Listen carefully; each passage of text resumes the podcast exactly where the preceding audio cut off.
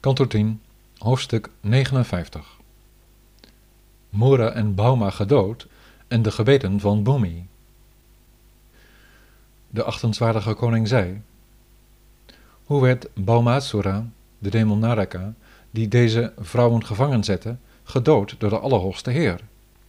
Alsjeblieft, vertel me over dit avontuur van hem die de Sharanga hanteert, Krishna. Sri Shuka zei: Bauma stal Indra's Varuna-parasol, als ook de oorbellen van zijn verwant, zijn moeder Aditi, en een bepaalde locatie genaamd Mani Parvata op de berg der goden. Varuna bracht hem, Krishna, op de hoogte van wat Baumasura allemaal had gedaan. Daarop begaf hij zich samen met zijn vrouw Satyabhama, gezeten op Garuda, naar de stad Prakyotisha, die beschut lag omringd door bergen en wapensystemen, vuur, water en wind. De plaats was versterkt met een hekwerk bestaande uit tienduizenden harde, vervaarlijke draden aan alle kanten. Hij brak met zijn knots door de opgeworpen barricades van rotsblokken, met zijn pijlen versloeg hij de wapensystemen, met zijn schijf baande hij zich een weg door het vuur, het water en de windverdediging, en met zijn zwaard sloeg hij zich verder door de afrastering. Met het weerklinken van zijn schelphoorn brak hij de zegels van de vesting, alsmede de harten van de moedige strijders. En met zijn zware strijdknots sloeg Gadadara zich door de verdedigingswerken. Toen hij het geluid hoorde van de heer zijn Panchajanya, die weerklonk als de donder aan het einde der tijden, verhief zich de vijfkoppige demon Mura, die lag te slapen in het water van de gracht. Met zijn drietand opgeheven en met een gloed zo verschrikkelijk als het vuur van de zon moeilijk te aanschouwen, ging hij, als wilde hij met zijn vijf monden de drie werelden verzwelgen, over tot de aanval, zoals de zoon van Tarksha, Garuda, een slang aanvalt. Zwaaiend met zijn drietand, wierp hij hem uit alle macht naar de Garuda, begeleid door een dermate kolossaal gebrul uit zijn vijf monden, dat de aarde, de hemel en de buitenruimte van het eivormige omhulsel van het universum ervan galmde. Heer Krishna brak toen met twee pijlen de drietand die op Garuda afvloog in drie stukken en trof met grote kracht zijn gezichten met meer pijlen. Woedend slingerde de duivel zijn knots op hem af. De knots die op het slagveld op hem afvloog werd door Gadagraja in duizend stukken gebroken. Maar toen de demon vervolgens zijn armen ophief en op hem afstormde, sneed de onoverwinnelijke moeiteloos zijn hoofden eraf met zijn werpschijf. Levenloos viel hij met zijn hoofden eraf in het water, alsof Indra met zijn kracht een bergpiek had afgesplitst. Vertoornd kwamen zijn zeven zoons, die zich hoogst ellendig voelden over hun vaders dood, daarop in actie om hem te wreken ertoe aangezet door de Bhaumatsura, traden Tamra, Antariksha, Shravana, Vibhavasu, Vasu, Nabaswan en de zevende zoon Aruna met hun wapens op het slagveld naar voren, onder leiding van hun generaal Pitha. In hun aanval zetten ze verwoed hun zwaarden, knotsen, speren, lansen en drietanden in tegen de onoverwinnelijke, maar de Allerhoogste Heer van een onfeilbare macht schoot met zijn pijlen hun hele berg wapens aan gruzelementen. Hun hoofden, armen, dijen, benen en wapenrusting stuk schietend, stuurde hij degenen die door Pita werden aangevoerd allemaal naar Yamaraj. Bauma, de zoon van moeder aarde, die zag hoe zijn leger en aanvoerders bezweken onder de pijlen en de werpschijf van Krishna, kon dat niet accepteren en rukte op met bronstige olifanten die waren geboren uit de Melkoceaan. Toen hij heer Krishna en zijn vrouw op Garuda zag zitten als een wolk met bliksem boven de zon, wierp hij zijn Shatakni op hem af, terwijl tegelijkertijd al zijn soldaten aanvielen. De Allerhoogste Heer, de oudere broer van Gada, veranderde hun lichamen en ook de lijven van de paarden en de olifanten van Baumasura's leger met verschillend gevederde scherpe pijlen in een verzameling van afgeschoten armen, dijbenen en nekken. Ieder van de puntige en stakige wapens die de strijders inzetten, o held van de Kurus, werd door de Krishna telkens met drie pijlen aan stukken geschoten. Garuda, die hem droeg, deelde met zijn beide grote vleugels klappen uit en versloeg daarmee de olifanten. Door zijn vleugels, bek en klauwen belaagd, trokken ze zich terug in de stad, terwijl Naraka doorging met de veldslag. Bauma, getergd te zien hoe zijn leger door Garuda terug werd gedreven, viel hem aan met een speer die ooit de bliksemschicht van Indra weerstond. Maar die deerde hem niet meer dan een olifant die wordt geslagen met een bloemslinger. Gefrustreerd in zijn pogingen nam Bauma zijn drietand ter hand om Achyuta, de onfeilbare, te doden. Maar voordat hij hem zelfs maar kon lanceren, sneed de heer met de scherp gerande schijf van zijn chakra Naraka's hoofd eraf, terwijl hij op zijn olifant zat.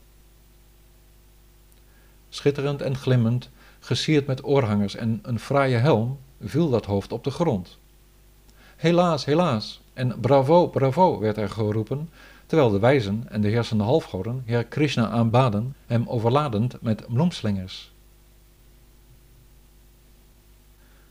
Moeder Aarde benaderde daarop Krishna en bood hem gouden oorhangers aan die gloeiden van de glimmende edelstenen en een Vaijayanti slinger van woudbloemen.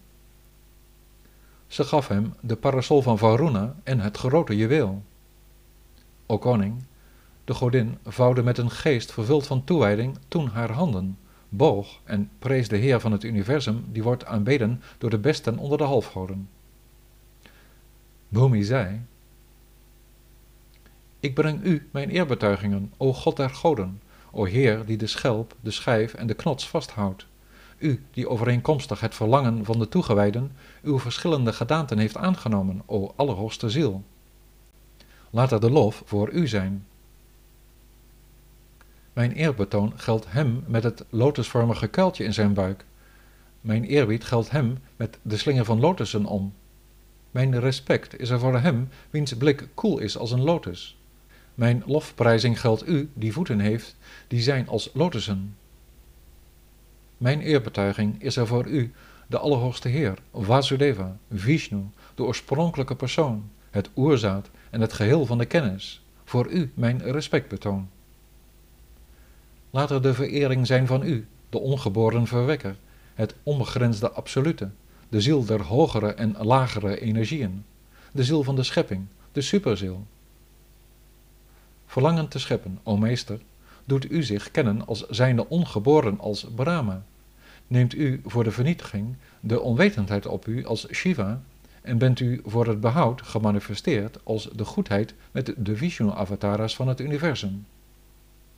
Maar niettemin bent u niet overdekt door deze geaardheden, o Heer van Jagat. Hoewel u Kala, Pradana en Purusha bent, bestaat u er niettemin onafhankelijk van. Dit zelf van mij, de aarde, het water, het vuur, de lucht en de ether, de zinsobjecten, de halfgoden, de geest, de zintuigen en degene die handelt, het geheel van de materiële energie, kortom, alles wat zich rondbeweegt of niet rondbeweegt, vormt de verbijstering als men denkt dat het onafhankelijk van u bestaat, o Allerhoogste Heer. Alles bevindt zich immers in u, de ene zonder zijns gelijke. Deze zoon van hem heeft in zijn angst de lotusvoeten benaderd van u, die het leed wegneemt van hen die hun toevlucht zoeken. Alsjeblieft, neem hem in bescherming en plaats op zijn hoofd uw lotushand die alle zonde wegvaagt.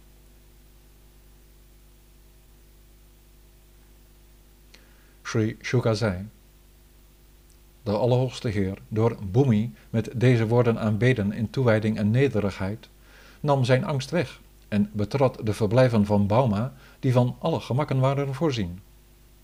Aldaar trof de heer zestienduizend maagden van adel aan, die door Baumasura met geweld waren weggehaald bij de koningen. Toen de vrouwen hem zagen binnenkomen, de meest uitzonderlijke van alle mannen, kozen ze bekoord voor hem, die hen door het lot in de schoot was geworpen, als de echtgenoot van hun dromen. In Krishna opgaand dachten ze mogen de voorzienigheid maken dat hij mijn echtgenoot wordt. Aldus mijmerend sloten ze stuk voor stuk hem allen in hun hart. Nadat ze waren schoongewassen en smetloos gekleed, stuurde hij hen in draagstoelen naar Dwaraka, samen met de enorme buitgemaakte schat aan strijdwagens, paarden en een groot aantal andere kostbaarheden. Keshava stuurde ook 64 snelle witte olifanten mee met vier slagtanden die van Airavata afstamden. Daarop begaf hij zich naar de verblijfplaats van de koning der goden en overhandigde hij Aditi haar oorhangers. Vervolgens werd hij tezamen met zijn geliefde Satyabhama aanbeden door Indra, de leider van de dertig belangrijkste halfgoden, en door de echtgenote van de grote koning. Er door zijn eigen vrouw toe aangezet, trok hij de Parijata, een hemelboom, uit de grond en plaatste hem op Garuda.